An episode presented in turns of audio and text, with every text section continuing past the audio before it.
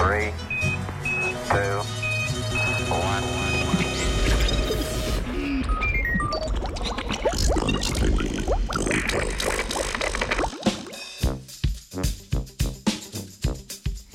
Z okoljsko DNA posledi ogroženih zveri.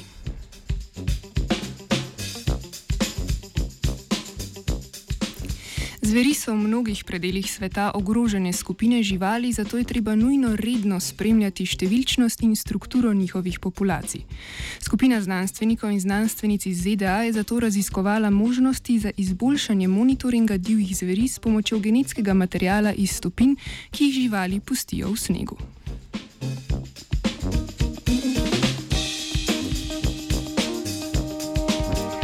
Populacije zveri so ponavadi malo številne in mnoge vrste se trudijo, da bi se njihove poti čim manj križale s človeškimi. Zato lahko stanje ogroženih vrst zveri večinoma spremljamo le s posrednimi opazovanji. To so lahko stopinje in druge sledi, dlaka, iztrebki in izločki, ostanki plena ali genetski material. Uporabljajo se tudi kamere, ki se samodejno sprožijo ob zaznanem gibanju. Zaradi težavnosti točnega določanja vrste živali na podlagi tovrstnih opazovanj pa so tradicionalne metode monitoringa pogosto nezanesljive. Raziskovalci in raziskovalke se zato trudijo vzpostaviti nove in naprednejše tehnike.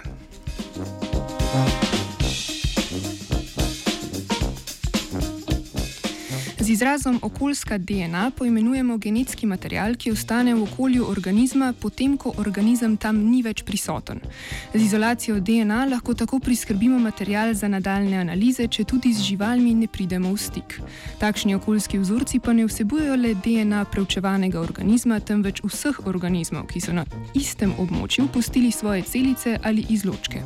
Zato se že nekaj časa uporablja posebna laboratorijska metoda, ki pomnoži samo tiste gene, ki jih želimo preučevati in so značilni za določeno vrsto.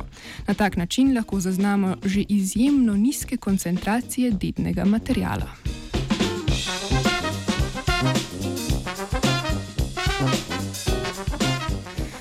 Praksi pomeni, da lahko na podlagi okoljskega vzorca, bodi si vode, bodi si snega, zaznamo, ali je bila tam prisotna preučevana vrsta. Metoda je relativno nova in se v zadnjem času intenzivno uporablja za zaznavanje organizmov v vzorcih vode na kopnem, pa širše še ni uveljavljena.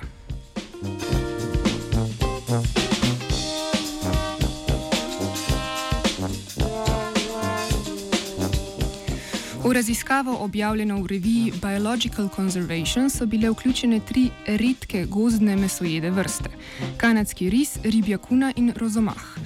Sneg so vzorčili v stopinjah izbranih vrst ali na mestih, kjer so preučevano žival predhodno posneli z nastavljeno kamero. Za analize so potrebovali 2 litra snega iz vsakega niza stopinj oziroma okoli 60 litrov snega z območja, kjer so bili zabeleženi obiski živali. Sneg so na to odtalili, dobljeno vodo prefiltrirali in iz nje izolirali DNA.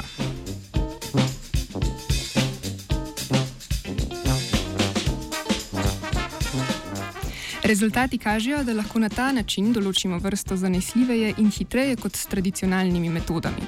S tem se lahko izključuje. Oziroma, izključijo številne napake, kot so nezaznavanje prisotnosti vrste, zaznavanje napačne vrste ali beleženje vrste na območjih, kjer ni prisotna. Podobne pristope bi lahko uporabili tudi za zanesljivejšo analizo genetskega materijala iz dlak, sline, krvi, urina ali iztrebkov.